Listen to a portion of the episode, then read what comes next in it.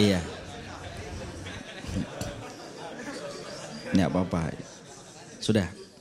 Masalah neraka Bapak, memang tidak dijelaskan bahwasanya neraka seluas langit dan bumi.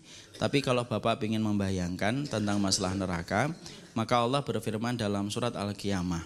Ketika Allah berfirman kepada neraka, apakah masih cukup? Kemudian neraka itu berkata, masih ya Allah.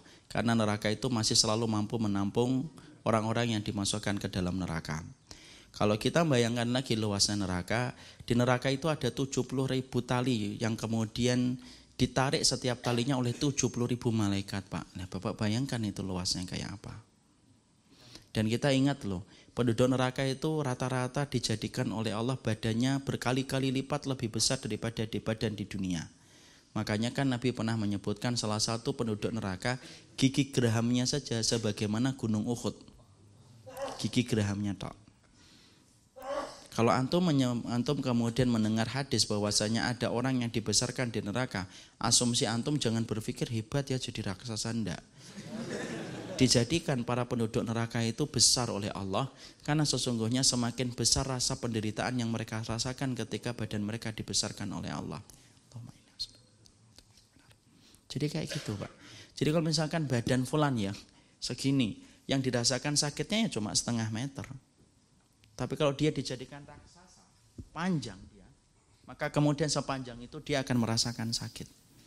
Makanya kan ada salah satu sahabat yang murtad yang diberitakan Nabi gigi gerahamnya sebesar gunung Uhud. Siapa? Rojal Unfuwah. Nabi pernah bersabda di antara kerumunan para sahabat, ada di antara kalian yang nanti matinya murtad dan ketika mati dimasukkan oleh Allah ke dalam neraka, gigi gerahamnya sebagaimana gunung Uhud. Di antara rombongan itu ada seseorang sahabat yang bernama Abu Hurairah. Abu Hurairah itu nangis-nangis ketika mendengar hadis itu. Kenapa? Khawatir bahwasanya beliau termasuk yang dikabarkan Nabi dengan semacam itu.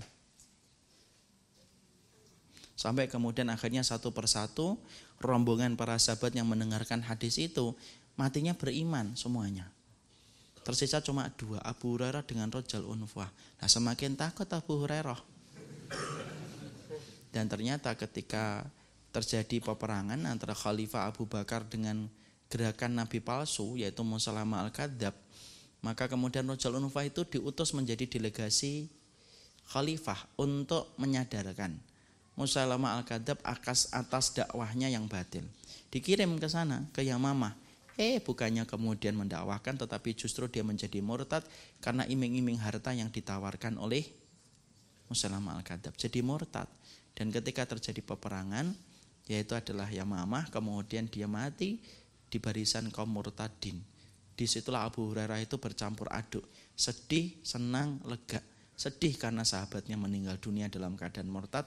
Lega karena ternyata yang diberitakan Nabi mati murtad itu bukan dirinya.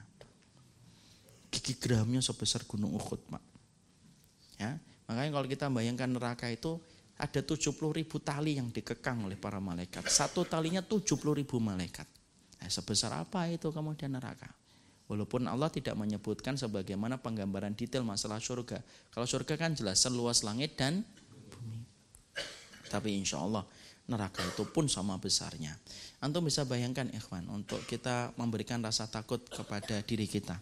Allah itu mensifati dirinya dengan kata-kata syadidul adab. Apa artinya? Syadidul adab itu artinya apa? Adabnya keras syadidul iqab hukumannya keras. Kalau yang mengatakan keras itu manusia biasa, mungkin kita relatif akhi. Tapi antum pernah nggak bayangkan yang mengatakan kerasnya adab itu Allah, padahal Allah itu tidak pernah merasakan sakit di dalam datnya. Tapi Allah sampai bisa mengatakan adabku pedih. Antum bisa bayangkan sepedih apa neraka itu Allah kemudian ancamkan kepada orang yang berani melanggar larangannya. Contoh kata, kalau ada orang yang mengatakan pukulan dia sakit, jangan langsung percaya. Kalau yang mengatakan orangnya itu kurus memang, baru ditonjok dikit mungkin dia akan mengatakan sakit. Tapi kalau yang mengatakan bahwasanya pukulan dia sakit, tapi yang mengatakan Mike Tyson, kita mungkin mungkin ini betul-betul sakit. Sampai seorang Mike Tyson aja mengatakan dirinya sakit ketika dipukul orang itu. Sekarang kita bayangkan, Allah itu mengatakan keras siksanya, pedih siksanya. Padahal Allah itu dat yang maha kuat yang tidak pernah merasakan kepedihan. Sepedih apa neraka itu?